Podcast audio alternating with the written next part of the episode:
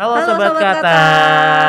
Iya. Kembali lagi sama kita di podcast berawal dari kata, karena semua kisah berawal dari kata. Yeah.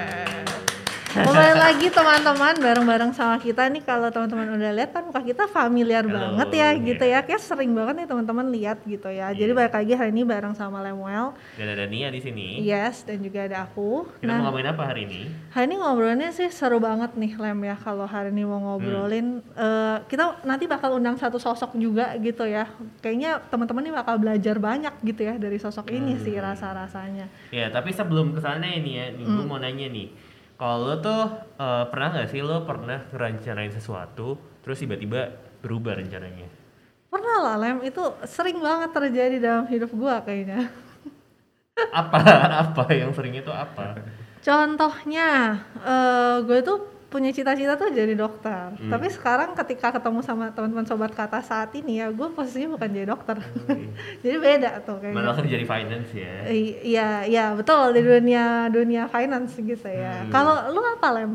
Kalau gue, gue sih sesimpel kayak lo eh, pergi ke pergi ke sebuah restoran tadi gue mesen misalnya kayak gue mesen pizza eh tadi eh jadi gue pesennya eh, makaroni gitu jadi ya Oh, kan ya oke. simpel simpel gitu aja sih ya sesimpel beda pilihan aja sih kalau Hmm. gue Menarik, menarik. Nah, ini karena kita tadi ngomongin ada ada perubahan rencana gitu ya, perubahan planning. Hari ini tuh kita mau ketemu gitu ya lem sama satu orang yang kayaknya udah banyak banget perubahan dalam hidupnya dia gitu ya.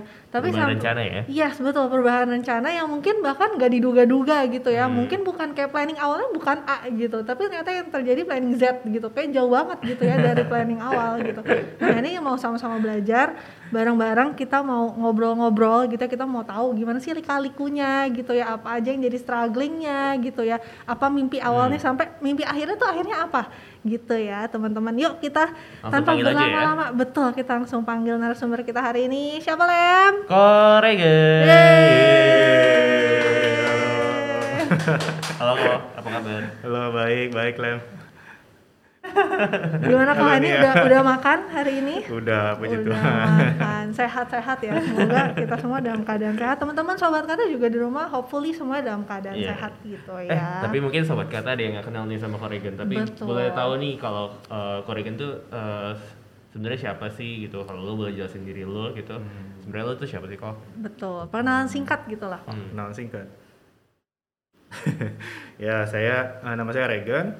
Eh, saat ini sedang melayani di Gereja Kristus Tapang sebenarnya. Eh, tapi saya masih mahasiswa STT.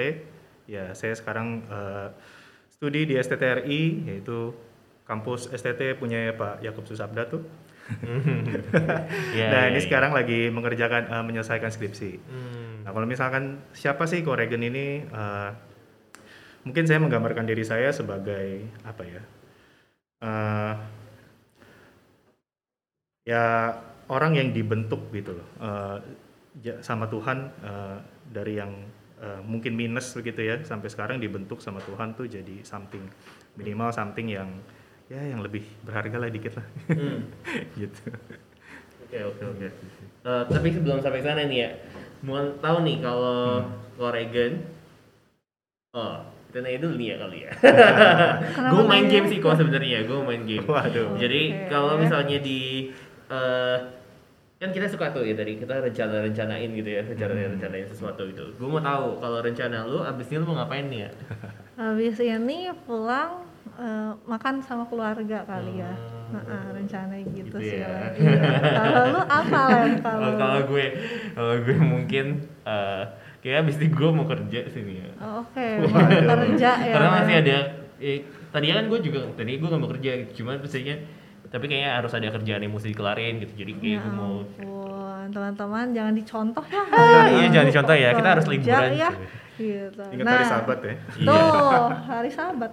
Koregan. Nah, itu kan kalau dari kita gitu. Iya. ya. Kalau dari Koregan, apa kok planning setelah ini, setelah pulang dari podcast ya? Istirahat. Oh, istirahat lah. Udah dari pagi pelayanan. Tuh. Tapi gue penasaran kok, lu tuh Iya, iya. ini gak sih kayak eh, suka ngerencanain gitu kayak ah minggu depan lu mau ngapain gitu. Hmm. Eh, sa someday iya, someday enggak sih. Hmm. Jadi kayak ada ada hari-hari memang eh, direncanakan, tapi ada hari-hari yang enggak juga. Jadi, Hmm. jadi kayak ya udahlah. eh, kayak misalkan kadang kan kita merencanakan sesuatu capek juga ya, apalagi misalkan udah direncanain. eh, misalkan kayak kita mau liburan gitu kan, akhir tahun mau ke Bali, eh tentunya corona naik misalkan, Wah, jadi nggak kan capek gitu. Iya gitu sih. Oke oke oke. Eh, tapi ini ya, kalau misalnya jadi pendeta, jadi hamba Tuhan, itu Nah. sebenarnya direncanain gak sih kok? Nah, kalau misalkan saya dengar dari banyak orang, sih itu sih katanya eh, jarang sekali itu direncanain, termasuk saya. Jadi dari saya masih kecil eh, nggak ada tuh kepikiran mau jadi pendeta. Bahkan saya ingat banget waktu kelas eh, 5 atau 6 SD, eh, saya berantem sama papa karena disuruh ke gereja. Tuh, Jadi waktu kelas 6 SD itu saya inget banget untuk anak seorang kelas 6 SD itu bisa ngomong begini, ah ngapain ke gereja? Lihat tuh orang-orang gereja pada brengsek semua gitu, dalam tanda kutip begitu kan. Nah, Hmm. Jadi jadi hamba Tuhan kayaknya nggak pernah ada di pikiran saya. Jangan kayak dari dulu gitu, gitu sih. Hmm, Oke, berarti hamba Tuhan jadi hamba Tuhan itu bukan prioritas pertama lah ya, bukan satu mimpi yang pengen koko capai awalnya gitu berarti ya. Awalnya dulu begitu. sih. Oke, tapi sebenarnya dari koko sendiri awalnya dulu pengen jadi apa kok? Eh, kalau ditanya begitu, eh, karena sepanjang perjalanan pergumulan saya gitu ya, sebenarnya saya pengen jadi seorang motivator, coach gitu, coach untuk anak-anak muda khususnya. Karena kan saya juga dari dulu sebenarnya kayak pelayanan, berhubungan segala macam tuh sama anak muda, anak-anak muda. Jadi pengennya arahnya ke sana sebenarnya.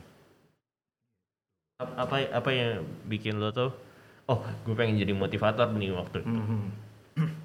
Nah ini ceritanya panjang nih, nggak apa-apa nih. Nggak apa-apa. Gak apa dong, teman-teman Eh, penasaran. Sobat kata juga penasaran kok sama Iya. cerita Koregun. Sebenarnya dulu pengen jadi motivator itu juga sebenarnya motivasinya mungkin kalau saya bilang itu salah ya. Eh, kenapa mau jadi motivator? Sebetulnya karena eh, bukan ingin membangun karakter-karakter anak muda sebenarnya, tapi mungkin saya lebih ke arah karena saya ingin dihargai. Karena kan saya ngelihat kalau orang motivator, coach apa segala macam, wah itu dihargai sekali. Waktu dia keluar aja ke panggung, orang semua berdiri tepuk tangan. Wah, Hmm. jadi mungkin arahnya ke situ. Kenapa saya bisa berpikir seperti itu? Itu diawali sama masa lalu saya yang cukup buruk sebetulnya. Jadi kalau misalnya saya mau menggambarkan eh, lebih banyak lagi tentang diri saya, eh, saya termasuk salah satu orang yang mungkin saya bilang eh, bahwa diri saya adalah orang yang paling gagal. Gitu. Jadi dalam studi saya gagal, dalam pasangan hidup juga saya dulu sering gagal. eh, ya bisa dibilang juga saya dalam keluarga juga eh, dulu eh, tidak tidak bertumbuh dengan baik juga begitu. Jadi banyak sekali dalam hal hidup saya itu yang saya mengalami, eh, saya merasakan bahwa saya orang yang gagal gitu. Nah dari situ saya akhirnya tumbuh jadi anak yang eh, sering kali karena kegagalan-kegagalan itu gitu ya, akhirnya sering kali ditolak gitu. Contohnya misalkan kayak dulu saya waktu kuliah, eh, saya pernah kuliah di salah satu institusi eh, di eh, Kelapa eh, dekat Kelapa Gading begitu ya. Eh, saya kuliah komunikasi waktu itu broadcasting. Tapi kan komunikasi broadcasting itu kan kayak apa ya? Eh, butuh alat-alat yang lengkap seperti ini begitu. Nah dulu saya ini eh, anak yang punya keluarga yang perekonomiannya itu buruk, sempat jatuh begitu. Bahkan eh, jatuh mungkin nggak sampai nol, tapi jatuh sampai minus gitu kan. Saya ingat banget dulu waktu saya ke kampus, saya berangkat ke kampus itu, saya ke kampus itu, saya di, sehari dikasih uang jajan tuh sama mama 4 ribu. 4 ribu rupiah gitu. Perginya naik angkot ke kampus 2000, pulangnya jalan kaki. Supaya kenapa? Supaya saya bisa menghemat nabung 2000 itu gitu. Nah, jadi sedemikian rupa eh, keadaan saya begitu. Nah, di kampus saya punya teman-teman yang saya rasa tidak eh, menghargai dan memiliki saya begitu. Contohnya misalkan waktu saya eh, lagi pembagian kelompok nih, kan kalau broadcasting biasa tuh, oh dibagi kelompok, bikin berita gitu kan, bikin eh, film dan sebagainya gitu. Waktu pembagian kelompok, yang lain udah dapat kelompok, saya sendiri enggak. Jadi kayak waktu itu di kelas ada tiga anak yang nggak dapat kelompok. Jadi akhirnya saya sekelompok dengan anak-anak yang sisa-sisa juga begitu. Akhirnya saya melihat gitu, kenapa ya? saya akhirnya ngerti gitu karena mereka tidak memilih saya karena memang saya dulu waktu kuliah teman-teman itu bawa laptop Apple dan sebagainya begitu ya saya bawanya mah buku notes gitu kan jadi tuh aduh apa yang bisa diharapkan sama seorang Regan gitu kan. Nah jadi tuh dari situ tuh saya eh, tumbuh sebagai seorang anak yang ditolak ditolak ditolak. Begitu juga dalam eh, kehidupan eh, apa ya eh, berpacaran begitu ya. Nah itu juga saya sering ditolak. Saya ingat banget waktu itu sampai orang tua pacar saya itu sempet nelfon saya sampai mati juga saya nggak akan mau kamu sama anak saya. Wah. jadi kayak ya kehidupan saya akhirnya tumbuh dengan anak eh, dengan anak yang sering kali ditolak gitu nah di situ akhirnya saya punya pemikiran selama saya sebagai orang yang miskin dan gak punya apa-apa saya pasti nggak akan pernah dihargai That's why makanya akhirnya saya kejar, berusaha kejar mimpi itu. Saya mau jadi seorang motivator. Minimal saya jadi something dan nanti saya mau uh, bikin anak-anak muda lain juga jadi something. Nah itulah uh, awal kenapa saya punya tujuan ke sana. Gitu. apa yang lo rasakan waktu tapi kan lo bermimpi nih jadi motivator gitu Mm-mm. tapi ada orang-orang kan yang nggak melakukan mimpi itu gitu kan Mm-mm. ada yang nggak walk the talk gitu nggak nggak nggak nggak mencoba tapi kalau lu waktu itu eh, gimana kok Uh, maksudnya gimana nih? lu tuh eh, apakah lu sampai ikut kelas motivasi atau Oh, segala oke. macam Iya dulu dulu saya tuh eh, yang pertama pasti saya belajar bagaimana coaching itu dengan mengajar itu pertama. Jadi dengan mengajar saya akhirnya kenal eh, karakter-karakter anak-anak begitu ya. Saya dulu sih ngajarnya dari SD sampai SMP. Nah tapi kan saya akhirnya eh, banyak ketemu sama anak remaja tuh. Nah dari situ saya coba tuh belajar me- menga- eh, apa ya menghadapi anak-anak yang punya karakter seperti ini, yang punya karakter seperti ini. Itu yang pertama. Kedua, saya dulu sering banget ikut eh, MLM dan eh, insurance. Nah, karena kan di MLM dan insurance pasti ya teman-teman ngerti lah, tahu lah ya. Selalu misalkan di hari Senin dan Rabu ada kelas ini, kita ikut. Tuh. Jadi kalau misalkan kalau ikut kelas itu tuh, wah selamat pagi semuanya, selamat pagi, luar biasa, yes yes yes, gitu kan. itu setiap setiap pertemuan tuh kayak begitu gitu. Eh, bahkan ya ada coaching-coaching eh, yang spesifik yang khusus begitu. Nah, jadi saya sering ikut kelas-kelas itu. Berarti udah ada hal-hal yang Koko coba gitu ya. Maksudnya untuk mendekatkan ke jadi motivator ini gitu ya. Ikut-ikut kelas Iya, lah dan sebagainya nyoba-nyoba ke banyak Betul. hal. Salah ya. satunya eh, di dalam gereja juga gitu. Nah, kita kan kalau eh, pelayanan di dalam gereja gitu ya, misalkan sebagai ketua remaja. Nah, itu kan sebenarnya kita juga lagi melatih diri untuk memimpin gitu. Nah, di situ juga eh, saya mencoba untuk belajar bagaimana jadi seorang pemimpin. Karena kalau misalkan eh, percaya atau enggak, dulu saya orangnya nggak kayak gini. Dulu tuh saya kayak melankolis plekma itu yang diem aja. Jadi pendiam kalau diajak ngomong jawabnya satu kata dua kata gitu. Ya nggak tahu sejak kapan jadi berubah jadi suka ngoceh gitu. ya tapi tapi apa yang lo rasakan saat itu lo udah ikut kan lo ketemu banyak ya kayak lo ngajar Hmm. eh, ikut kelas eh, bareng MLM juga gitu Hmm. Apa yang lo rasakan saat itu Pada saat itu sih waktu eh, saya ikut sebenarnya seneng juga gitu. Wah setiap kali ikut kelas tuh seru. Kayak misalkan eh, banyak deh hal-hal tuh yang eh, motivasi-motivasi bagaimana eh, membangkitkan karakter-karakter anak muda gitu. Contohnya kayak waktu itu saya inget banget ada satu kelas coaching gitu. Eh, jadi coachnya ini tuh trainer, eh, coach eh, para atlet bulu tangkis. Hmm. Ya, jadi bulu tangkis eh, atlet-atlet nasional, nah itu dia coach, coaching gitu. Tapi dia bukan eh, pelatih bulu tangkis ya, karena dia nggak bisa. Tapi dia coaching karakternya. Saya agak lupa namanya siapa waktu itu. Eh, nah, dia ini bawain kelas coach gitu. Nah, di sini kita dilatih untuk setiap hari ketika kita bangun tidur gitu ya. Kita eh, berhadapan di cermin dan kita ngomong ke diri kita sendiri, you are a champion, you are a champion, you are a champion. Dan itu yang terjadi pada atlet-atlet nasional juga. Jadi kalau misalnya mereka lagi mau main bulu tangkis nih, mereka sebelum main pemanasan tuh mereka sambil ngoceh mulutnya gitu. I am a champion, I am a champion. That's why makanya eh, per, perbulu tangkis Indonesia itu mantap-mantap kan. Jadi memang mereka dilatih terus untuk jadi seorang champion begitu. Dan masih banyak hal lagi begitu. Jadi waktu itu saya uh, di, berada di kelas itu, uh, ya saya senang gitu. Maksudnya, wah uh, luar biasa nih, saya jadi semangat gitu kan. Tapi ya ada tapinya begitu. Hmm.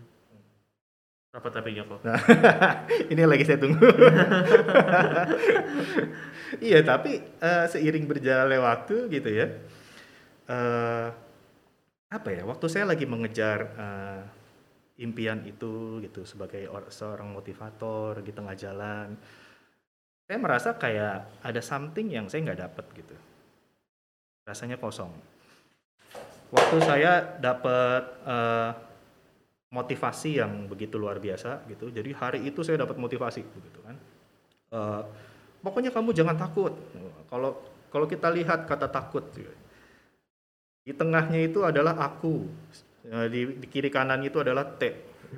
T-nya itu kayak tembok. Kalau kita runtuhkan temboknya, aku ini keluar dari tembok. Jadi kita nggak takut lagi begitu kan. Nah itu waktu saya dapat itu tuh pas pulang itu rasanya semangat banget dua hari, tiga hari, empat hari itu semangat. Tapi seiring berjalannya waktu, saya merasa kayak saya nggak bisa lagi pegang itu karena rasanya nggak realistis begitu. Waktu saya berusaha untuk tidak takut, tidak takut, tapi kehidupan nyata yang saya hadapi itu terus-menerus membuat saya takut. Jadi saya rasa harus ada satu pegangan yang ini nggak bisa goyah dan saya nggak punya itu waktu itu. Gitu. Iya, jadi uh, itu tapinya. Gitu. Wah, tegang. Terus tapi kok maksudnya hmm. uh, kan tadi kok bilang maksudnya ada satu uh, pokok butuh pegangan gitu kan dan waktu itu belum dapet tuh hmm. gitu kan. Terus akhirnya apakah ya dengan kok yang bilang ya maksudnya ikut kelas semangat tapi mungkin keluar udah udah udah hilang gitu kan. Maksudnya hmm. udah nggak sesemangat pas ikut kelas gitu kan. Terus kemudian di dalam masa-masa pencarian itu gitu ya yeah. maksudnya walaupun koko juga pengen jadi ya tadi motivator gitu ya. Apa yang akhirnya koko lakukan tuh pada saat itu gitu? Ya apa ya? Ya seperti yang saya bilang tadi gitu uh, karena uh, waktu kita apa uh, ikut kelas-kelas motivator itu saya secara pribadi kan merasa kayak ada yang hilang gitu ya bukan ada yang hilang ada yang sesuatu yang tidak saya dapatkan begitu Nah, ini juga saya melihat uh, di dalam banyak uh, diri anak-anak muda juga sebenarnya. Kenapa? Makanya saya berpikiran uh, seperti selanjutnya ini begitu kan. Nah, saya juga melihat beberapa teman-teman saya juga begitu. Waktu mereka uh, ikut kelas-kelas motivator, mereka semangat. Tapi ini tidak berlaku untuk semua orang ya. Mungkin ada orang-orang yang ketika ikut kelas ke motivator, dia bisa gitu loh, jadi champion, berhasil hidupnya tapi saya tetap merasa pasti ada sesuatu yang uh, dia tidak dapatkan hanya dari kelas motivator. Nah kalau saya pribadi, saya akhirnya menyadari di satu titik begitu ya, saya butuh uh, apa ya? Waktu itu saya ya saya nggak akan mengatakan itu firman gitu, karena pada saat itu uh, ya terlalu holy gitu ya, terlalu suci kalau saya bilang firman begitu. Wah, wow, semua pasti oh. Saat itu saya mengatakan uh, saya butuh kalimat-kalimat yang memang berasal dari sesuatu yang kekal gitu. Itu nggak akan pernah tergoyahkan dari masa ke masa. Itu selalu relevan. Dan waktu saya cari gitu apa gitu apa gitu, ya akhirnya saya berkesimpulan bahwa uh, sesuatu yang kekal yang dari masa ke masa itu tetap relevan dalam kehidupan kita sehari-hari, dalam kehidupan nyata kita, itu firman itu sendiri begitu. Tapi kemudian ini kan yang menarik tadi kok bilang jadi pendeta itu bukan jadi prioritas utama gitu kan. Dan ini tadi teman-teman udah dengerin seluk beluknya gitulah ya, jadi hmm. ikut kelas motivasi lah dan lainnya MLM dan sebagainya gitu ya. Tapi kemudian momen titik apa ya kita udah lirik balik kali ya lem kayak hmm. momen di mana aha momen lah ya aha momen di mana kayak oh mungkin ini panggilan gitu kan apakah hmm. memang aha momen itu datang dalam satu kali gitu kan hmm. atau beberapa kali ini kalau di hmm. case nya Koregen yeah, yeah. atau gimana tuh sebenarnya yeah. oke okay. nah ini juga menarik ya sebenarnya kalau mungkin kalau tadi teman-teman cerita eh, eh eh, dengar cerita dari Pak Setiawan gitu ya ada eh, momen di mana ketika dia kecelakaan lalu jadi terpanggil gitu kan terus juga eh, ada teman ada beberapa teman-teman saya juga eh, yang mengalami hal-hal yang seperti itu. Jadi dalam hitungan detik-detik tiba-tiba dia ada panggilan dan dia berubah. Eh, saya ingat ada satu teman saya juga eh, waktu dia lagi bawa motor. Waktu dia lagi bawa motor itu dia lagi marah, eh, lagi menolak panggilan Tuhan. Tapi nggak berapa detik kemudian dia kecelakaan tapi masih hidup dan dia akhirnya turuti panggilan itu. Tapi ada juga teman saya yang dengar suara ya seakan-akan dipanggil nah tapi uniknya kalau saya tidak merasakan hal-hal yang seperti itu. Tapi by proses ya itu prosesnya dari yang saya ceritakan tadi. Dari saya kecil sampai sekarang itu diproses dibentuk sedemikian rupa sampai akhirnya saya temuin aha moment nah aha momennya ini sebenarnya tuh kayak bukan di detik itu tiba-tiba aha gitu kan. Wah saya langsung uh, menerima panggilan ini gitu. Enggak tapi saya gumulkan selama 8 tahun panggilan sebagai hamba Tuhan itu. Gitu. Sampai nangis-nangis jatuh bangun tadinya mau merit menikah sama satu orang cewek gara-gara uh, ya mungkin gara-gara uh, saya mau kejar panggilan atau gimana gitu kan. Ngerti kan kalau sebagai hamba Tuhan ya masa depannya sering kali orang suka konotasikan ah nggak ada masa depan lah gitu kayaknya uangnya kurang lah gitu kan jadi akhirnya ya saya gagal di situ Nah, itu di, di, di proses terus, itu saya jatuh bangun, nangis, sampai akhirnya satu titik saya memutuskan, tik, kayaknya saya mau tinggalin semuanya, dan saya mau jadi hamba Tuhan. Gitu. Jadi, kenapa saya memutuskan itu? Karena saya sudah merasakan proses yang begitu panjang, dan kayaknya ini waktu yang tepat untuk saya jawab panggilan Tuhan. Seperti itu. Apa yang terjadi waktu itu sih?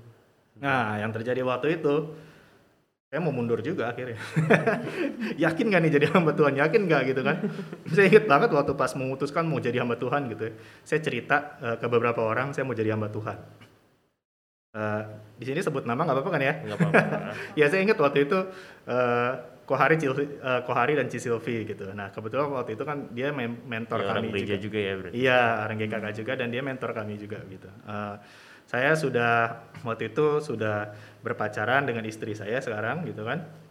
Nah, waktu itu saya langsung ketemuan sama mereka dan pertama kali yang uh, Ci Silvi dan Kohari tanyakan ke saya adalah, kamu yakin terpanggil sebagai hamba Tuhan? Jadi hamba Tuhan tuh nggak mudah loh. Terus ditanya ke istri saya, kamu yakin kamu punya panggilan sebagai istri seorang hamba Tuhan?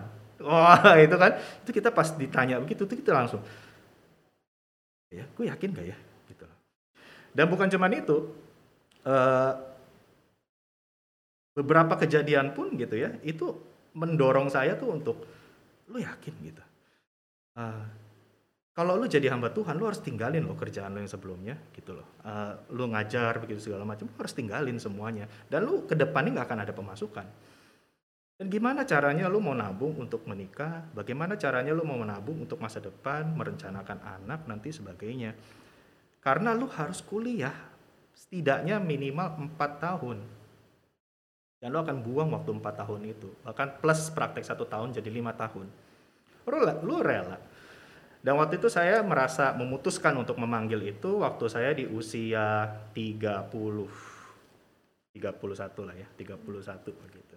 Uh, tahun 2017 itu berapa tahun yang lalu sih? 2017 18 19 20 21 iya lima tahun empat tahun yang lalu betul.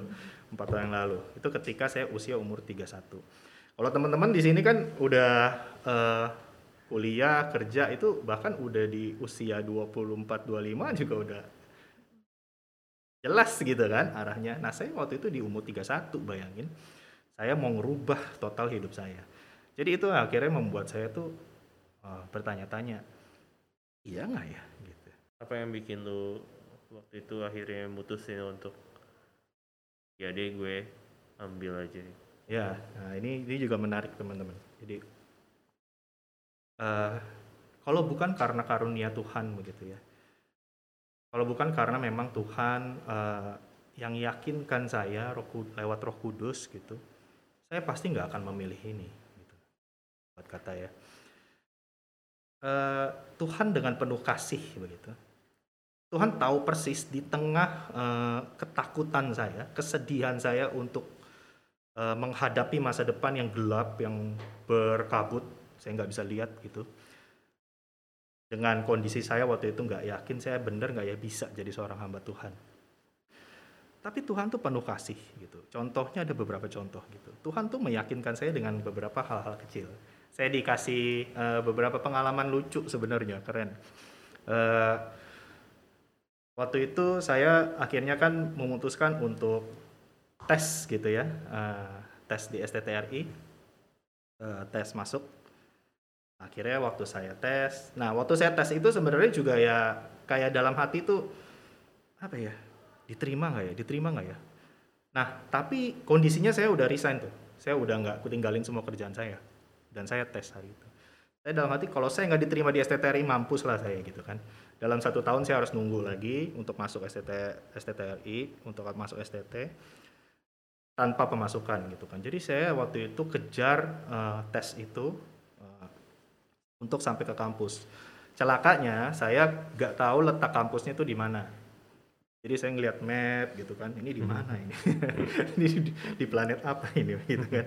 Jadi waktu saya jalan gitu eh, mau jalan ke kampus itu pagi banget eh, tesnya kalau nggak salah mulai jam 7 saya saya jalan dari rumah waktu itu di planet Bekasi begitu ya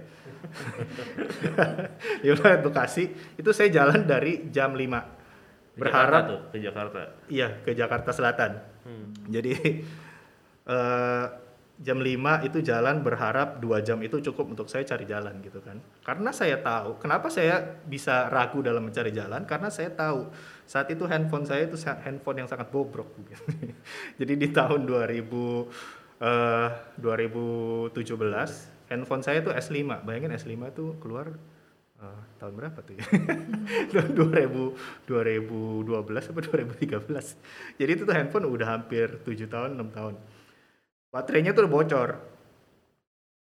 Baru dicas gitu kan. Udah 100 nih, pas dicabut plep 56. Gimana? Apa-apaan gitu. Jadi saya harus lihat WAC itu dengan kondisi handphone seperti itu. Jia, gitu kan. Bos, belok kanan. Jadi saya hafalin habis ini kiri berapa ratus miliar. Oh ya udah oke, hafalin. Nah, waktu saya baru sampai eh, waktu itu eh, aduh saya lupa pasar pasar apa sih kalau yang di Jakarta Selatan tuh namanya? Pasar Minggu. Ya, pasar Minggu. Jadi dari pasar benar. Pasar Minggu ke kampus saya itu masih agak jauh lah, masih ada berapa kilometer begitu. Nah, di pasar Minggu itu eh, handphone saya tiba-tiba dari dari sekitar 20-an persen tiba-tiba eh, turun ke eh, 10 persen gitu. Tinot, tinot gitu kan. Jadi handphone tuh udah gelap. Dan itu cahaya matahari kan. Gimana? Gimana ini? saya liatin mati dia udah bentar lagi matilah. Ini kalau misalkan sampai mati saya harus tanya-tanya orang, saya sampai kampus nggak akan keburu jam 7. ya udah. Terus gitu. Pas udah jalan-jalan-jalan akhirnya nyampe juga ke kampus. Pas nyampe ke kampus itu pas waktu parkir motor itu saya lihat handphone saya langsung blep mati. Pas di tempat parkir gitu. Jadi dalam 10% itu eh, handphone yang gelap itu Tuhan terus sertai terus jaga. Ayolah minimal udah handphone tuh nyala terus jadi saya bisa lihat begitu pas sampai kampus blek mati. Nah di situ saya akhirnya diyakinkan gitu. Itu yang pertama. Eh, kayaknya Tuhan menyertai saya. Dalam saya dalam proses eh, saya masuk ke STT nah nggak berapa hari kemudian waktu itu kan saya setelah tes nggak berapa hari kemudian ada pameran buku di kampus begitu ya Nah ini buku buku buku tebel-tebel eh, gaban gitu kan buat lempar kucing, kucing pasti langsung mati gitu. Jadi itu harganya mahal, bisa 400 ribuan sampai 800 ribuan. Nah waktu saya lihat gitu buku itu di pameran buku gitu kan, ih keren ya, kayaknya ini berguna banget nih buat saya di STT. Bukunya itu eh, NIV, eh, Commentary Study Bible, tapi bukan yang ini. Oh, beda. Bukan, bukan yang ini, beda. Ada satu lagi. Waktu saya lihat gitu, mau beli gitu kan, wah mahal, nggak usah lah. Gitu. Tapi saya nggak minta loh ya sama Tuhan. Saya nggak minta sama Tuhan, Tuhan tolong eh, eh, saya mau buku ini, tolong kasih gitu. Enggak, saya nggak nggak minta. Cuma sekedar lewat aja. Ya udah tuh, itu saya ingat hari Jumat. Hari Jumat ada pameran akhirnya pulang hari Minggu saya ke gereja ke sini Hmm. ibadah Hmm. jam waktu itu ibadah jam masih di sini nih Hmm. Nah akhirnya ibadah jam di situ, waktu pas mau mulai ibadah tiba-tiba ada si Lukas, uh, Lukas Lubas, Lukasnya CRV gitu ya, panggil saya tiba-tiba, Gen sini deh. Kenapa kas? Itu kan nah, kita lagi latihan gitu. Kayaknya lu uh, lebih butuh deh gitu. Ada kantong plastik gitu, kantong plastik hitam dia bilang, kayaknya lu lebih butuh deh daripada gua. Waktu gua waktu saya ambil gitu saya lihat itu buku yang sama persis dengan yang saya lihat di hari Jumat. Jadi nggak perlu nunggu seminggu, sebulan, Tuhan kasih buku itu gitu loh.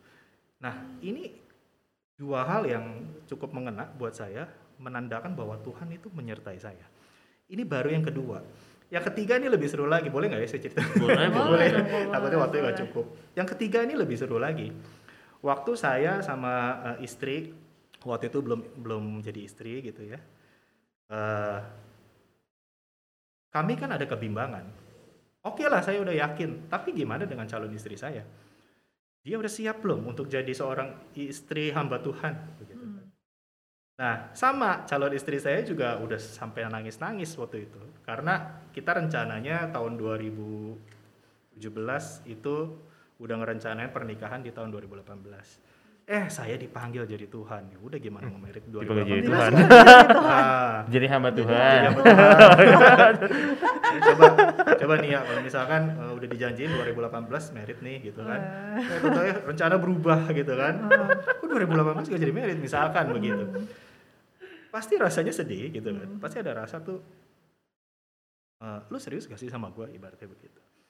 Nah lucunya waktu kami akhirnya dalam pergumulan itu kami naik motor gitu ya perjalanan mau jalan-jalan waktu itu dari Green Garden mau ke arah eh, Jakarta Pusat kalau nggak salah eh, ke gereja kalau nggak salah deh. Nah itu di tengah jalan itu dia ada ikat rambut. Ikat rambut itu dia sayang banget gitu.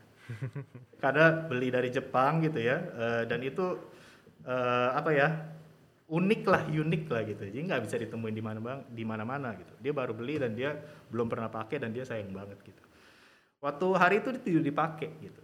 Dipakai eh, waktu di perjalanan pas di depan eh, CL waktu itu Citra, eh, mall CL Citraland dia pegang ya eh, ikat rambutnya hilang. Ternyata Oh, jatuh di iya, jalan iya, iya. gitu. hilang. Ya dia kesel gitu. Aduh ya dia sih nggak minta supaya itu bisa balik. Ya sekali lagi saya eh, mengatakan dia nggak minta ikat rambut itu ke Tuhan supaya dibalikin. Ya, kayaknya kan ikat rambut doang minta balik gitu, saya sendiri di motor begitu udah sih cuma ikat rambut doang beli lagi yang baru. Gitu. lelaki memang ya. Lelahi Gitu hati ya. gitu kan. Masa ya saya mesti putar balik nyari ini ya ibaratnya gitu. Gitu. Tapi dia juga nggak minta lucunya setelah dari perempatan lampu merah CL itu saya jalan sekitar 500 meter sana. Tiba-tiba ada motor yang nyusul. Pak pak pak. Saya pikir ini kenapa nih? Ini maling dari mana gitu? Kan dia mau ngerampok saya gitu. Eh, ternyata dari motor itu pak ini ikat rambutnya jatuh tadi. Sampai kaget. Sampai berhenti di tengah jalan saya nangis di di motor di atas motor. Kami berdua tuh sampai nangis Terluar biasa itu Tuhan memperhatikan hal-hal simple dari setiap hidup kami gitu. Apalagi saya yang terpanggil dengan penuh ketakutan, dengan penuh kebimbangan, Tuhan tunjukkan dari hal yang simple aja saya tidak meninggalkan kamu. Jadi akhirnya dari situ titik perubahan saya tak saya mau ikut Tuhan Yesus. gitu. Karena Tuhan sendiri yang telah meyakinkan saya. Oh, jadi ada gitu ini ya apa ya lem assurance gitu ya Hmm. kalau kita mau ini jadi Tuhan kasih assurance gitu ya ke Koregan lewat berbagai eh, apa ya poin-poin titik-titik dalam kehidupan gitu ya berbagai event yang kita nggak kita nggak sadari gitu ya, tapi Tuhan Hal-hal kasih kecil ya. Yes, Yes. hal-hal kecil yang kita juga nggak expect gitu lah ya. Kayak tadi soal ikat rambut gitu, siapa yang yang kepikiran gitu kan? Tapi Tuhan kasih gitu kan. Nah ini ini jadi menarik gitu ya hal ngobrol ngobrolnya sama Koregan jadi menarik. Tapi kan itu kalau tadi kita ngobrolin itu dari perjalanan ya kok sampai kok ke STTRI gitu lah ya. Perjalanan kok akhirnya menyanggupi jadi hamba Tuhan gitu ya. Tapi setelah udah masuk ke maksudnya udah masuk ke STT gitu ya Eh, hidup terasa lebih mudah nggak nih kok kalau tadi kan berliku-liku ya kayaknya naik turun gunung Iya, iya, iya. banyak gitu kan nah apakah setelah akhirnya yes Tuhan aku mau jadi eh, hamba Tuhan gitu ya Hmm. apakah Tuhan mempermudah kehidupan koko setelah itu hidup jadi lebih sulit Oh, lebih sulit. Waduh. Ini ada, Ya, ada tapi- penyesalan nggak nih kok ternyata bisa bilang waduh kok ternyata jadi makin sulit gitu. enggak sih Eh, ya dibilang makin sulit jelas makin sulit begitu Eh, karena kan kita realistis aja karena saya nggak ada pemasukan nggak ada pendapatan begitu kan sedangkan saya harus merencanakan pernikahan ke depan masa ini anak orang udah saya pacarin nggak saya nikah nikahin gitu kan terus eh, saya udah usia begini udah usia 32 31 ya, waktu itu 31 32 eh, saya belum ada pemasukan yang tetap dan maksudnya belum mapan begitu. Nah itu itu itu sulit. Bahkan waktu saya eh, apa ya? Saya pernah merasakan gitu di kampus, saya tuh nggak punya uang. Mau beli pulsa aja tuh bingung. Jadi mau beli pulsa nanti dulu deh, karena eh, waktu itu kan dari gereja sendiri memang membiasiswai saya, memberikan beasiswa buat saya gitu. Tapi kan memang dibayarkan secara full eh, kuliah saya. Tapi kalau misalkan eh, uang saku kan ya memang nggak ada gitu sebenarnya. Hmm. Eh, har- saya harusnya memang eh, melayani di gereja misalkan weekend baru akhirnya ada pemasukan begitu. Nah tapi saat itu saya masih semester 1 jadi belum boleh pelayanan weekend jadi benar-benar nggak ada pemasukan.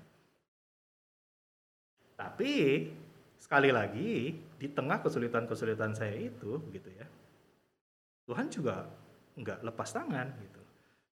Saya juga ingat waktu pas saya udah di STT eh, saya di ya dalam tanda kutip waktu saya sebelum masuk STT kan seakan-akan Tuhan menjanjikan kepada saya gitu ya. Kalau kamu nanti masuk STT gak perlu pusing pikirin keluarga akan hidup seperti apa atau gimana gitu. Karena saya waktu itu juga suka bantu mama papa eh, eh, kasih uang dan sebagainya gitu kan. Nah sekarang kan nggak bisa lagi. Nah jadi eh, waktu saya udah masuk STT eh ternyata kok janjinya Tuhan yang eh, saya anggap tuh kayak janji Tuhan kok nggak nggak nggak nggak sama gitu ya. Jadi ternyata di dalam keluarga saya tuh banyak sekali pergumulan-pergumulan yang Tuhan kasih. Salah satunya itu keponakan saya eh ya keponakan saya tuh yang yang cukup paling saya sayang gitu ya Nah, namanya Maxwell. Nah waktu saya di kampus gitu saya dapat kabar dari papa eh, si Maxwell ini penglihatannya kurang baik. Jadi udah lama cukup lama dia tuh matanya kayak ada bintik begitu loh ada bisul.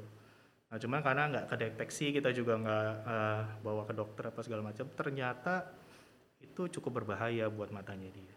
Dan bayangin ya teman-teman eh, seorang anak kecil begitu dia umur 4 tahun waktu itu 4 5 tahun dia saatnya dia mau main eh, mainan mobil warna biru warna merah dan sebagainya. Dia sampai nggak bisa dia sampai nggak bisa ngelihat mobil itu di depan mata dia sendiri. Mana sih Om Megan? Mana sih? Ini Maxwell mobilnya.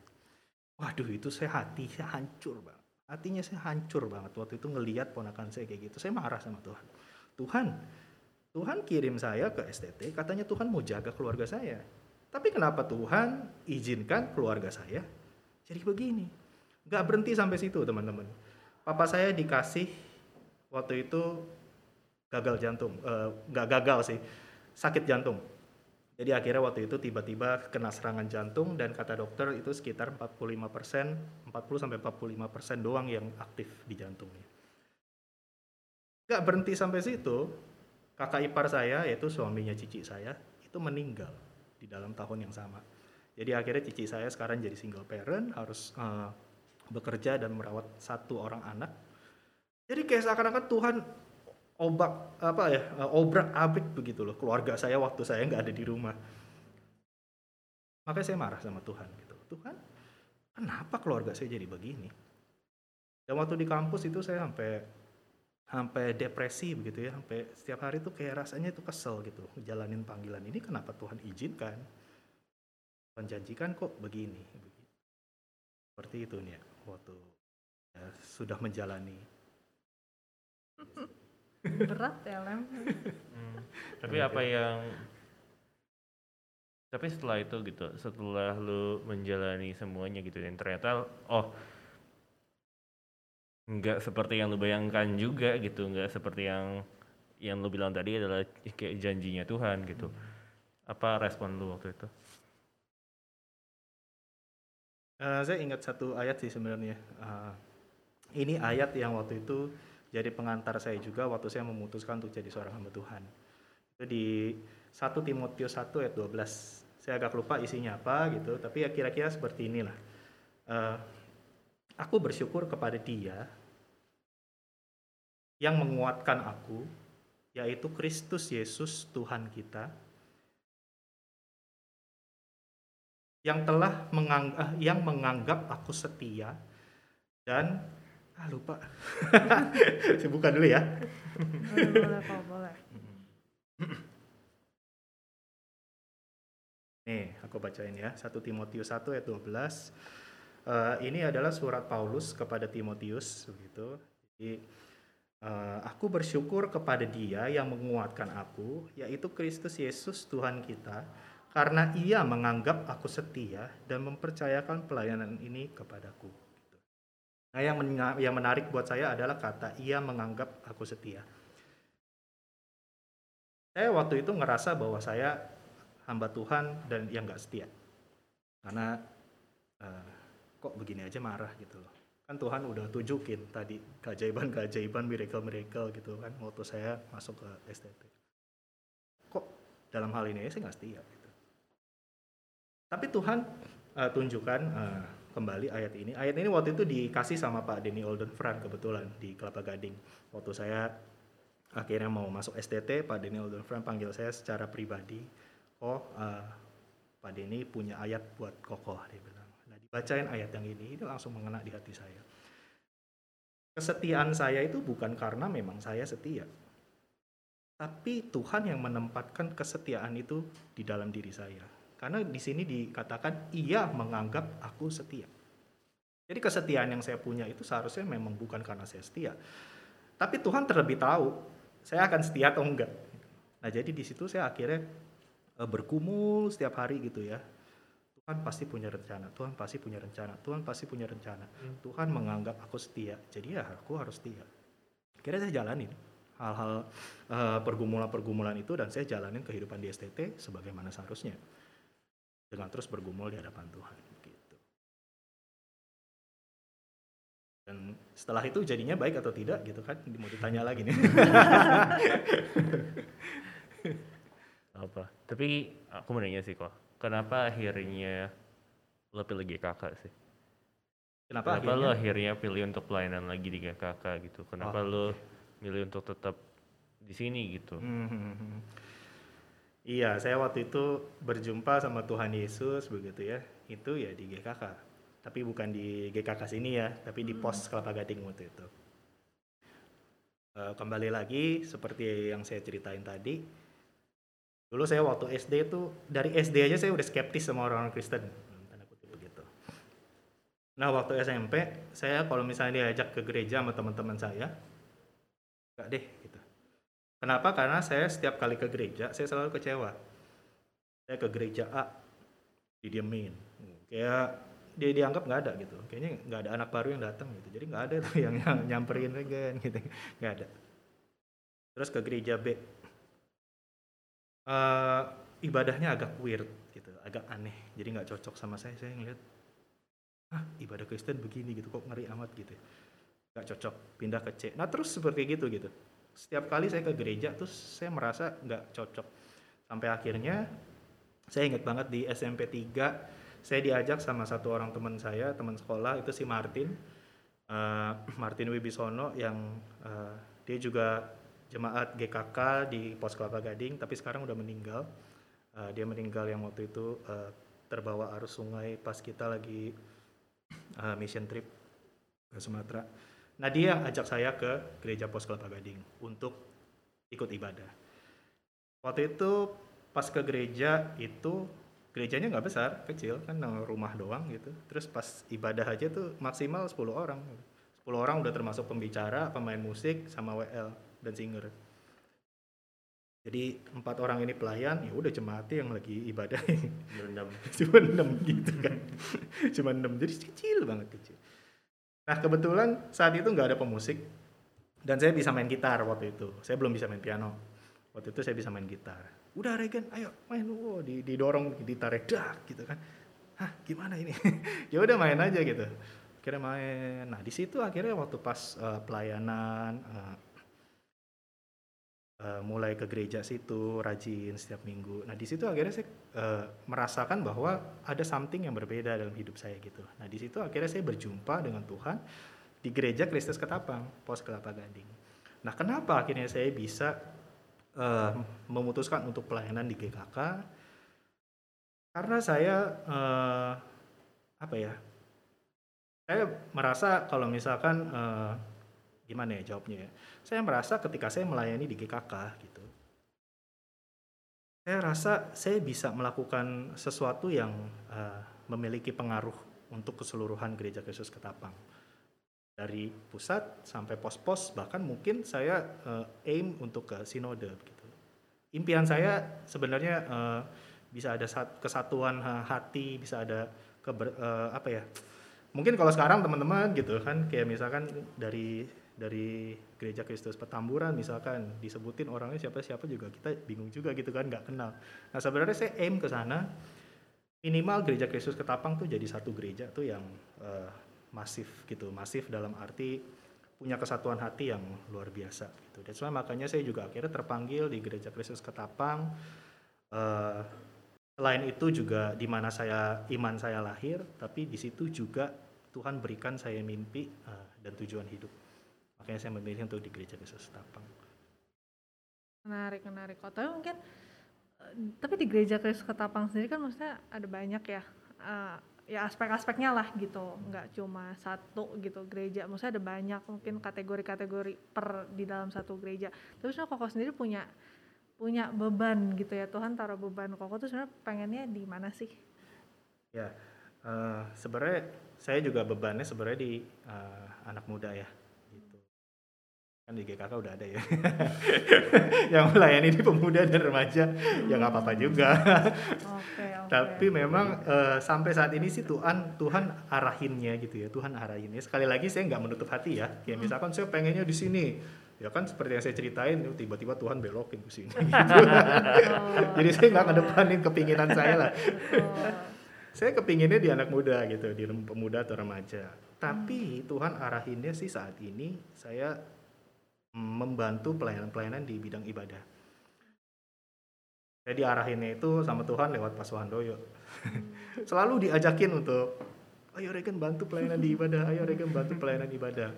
Dan sekarang beliau udah nggak ada gitu ya. Itu jadi satu pukulan buat saya tersendiri. Begitu saya sedih banget gitu. Karena dia juga satu kampus sama saya, eh, kuliah bareng juga gitu kan, dan pelayanan bareng juga di sini. Dan saya rasa ini jadi peneguhan saya lagi sekali lagi untuk Tuhan arahkan saya di ke bidang ibadah gitu. Untuk mendalami bidang ibadah.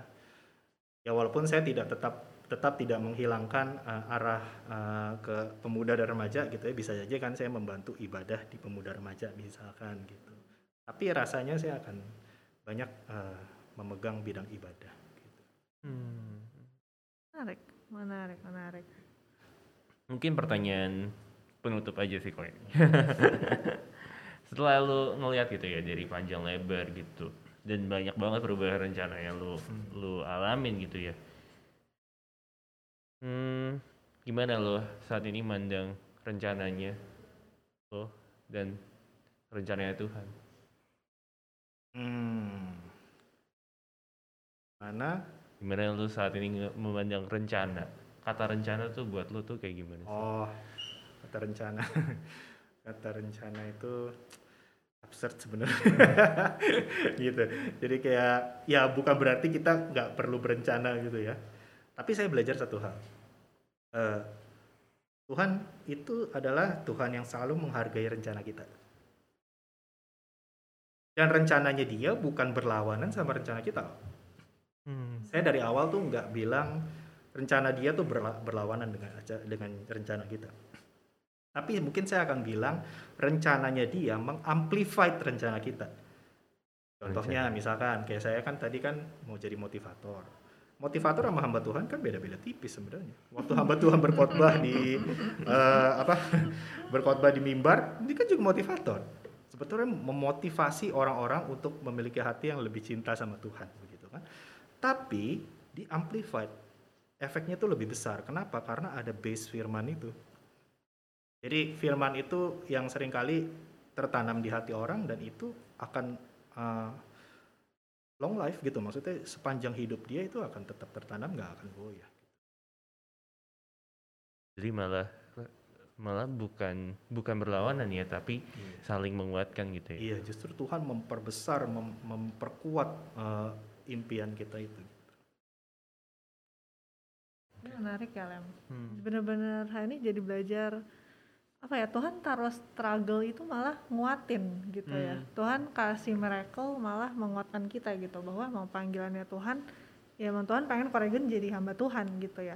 Dan habis itu bukan bukan happily ever after gitu loh ya kan kayak Hmm. orang nikah gitu ya kayak habis itu habis itu bahagia yang enggak tapi tetap ada perjuangannya gitu. Hmm. dan kita belajar ya memang kita terus berjuang ya sama kita masih hidup. Yes. walaupun Tuhan udah panggil kita udah say yes untuk jadi hamba Tuhan Hmm. bukan berarti kayak oh struggle selesai gitu. Oh udah udah jadi hamba Tuhan berarti hidup habis udah enak. Enggak juga tapi Tuhan tetap tetap ngasah kita ya lewat berbagai kejadian dan sebagainya gitu. Ini hari ini luar biasa banget aku, aku Hmm. merasa terberkati dengan eh, cerita lika-likunya Koregan gitu yang kita kira udah selesai sampai diterima jadi hamba Tuhan ternyata masih ada lanjutannya gitu tapi tapi Koregan masih bisa apa ya jadi contoh gitu lah ya apalagi terutama buat sobat kata yang dengerin hari ini hopefully bisa terberkati juga sama seperti aku dan Lembo yang kali ini bisa dengerin langsung gitu ya dari Koregan gimana ceritanya gitu Oke. Thank you for sharing ya kok. Ya, Ya, sama-sama. Semoga jadi berkat. Iya. Oke, buat eh, buat teman-teman eh, sobat kata yang lagi dengerin di rumah, jangan lupa eh, untuk cek-cek eh, link di bawah sini karena kita juga bisa didengerin di Anchor FM dan di eh, Spotify. yes Dan Ada- jangan lupa juga untuk setiap eh, bulan pertama, eh, bul, Setiap setiap minggu bulan, pertama di minggu setiap pertama. bulannya ya. Jam 7 malam kita ada episode baru. betul Jangan lupa dicek ya. Jadi jangan lupa teman-teman kalau yang udah nonton di like gitu ya, di subscribe. Jadi pokoknya tiap bulan minggu pertama gitu ya, ingat aja kita akan selalu muncul episode baru gitu ya. Jadi Iya. teman-teman dipantengin aja nih gitu. Nah mungkin sebelum kita tutup gitu ya, kita Ya. mau dengerin sepatah dua patah kata gitu ya dari Mister Kata.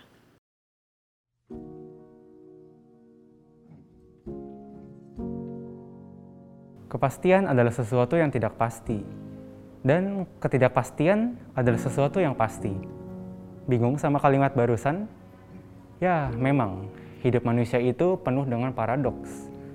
Namun, ketika kita memilih berjalan bersama Tuhan, ketidakpastian itulah yang justru menjadi bukti akan perlindungan dan penyertaan Tuhan yang pasti. Ketidakmampuan kita dalam menghadapi ketidakpastian memberi ruang yang amat luas untuk Tuhan menunjukkan kuasanya. Di saat kita lelah, marah, dan mau menyerah, Tuhan akan selalu ada di samping kita dan berbisik. Tenang, ingat motonya Gojek. Bersamaku pasti ada jalan. Berawal dari kata. Karena semua kisah berawal dari kata. Titik.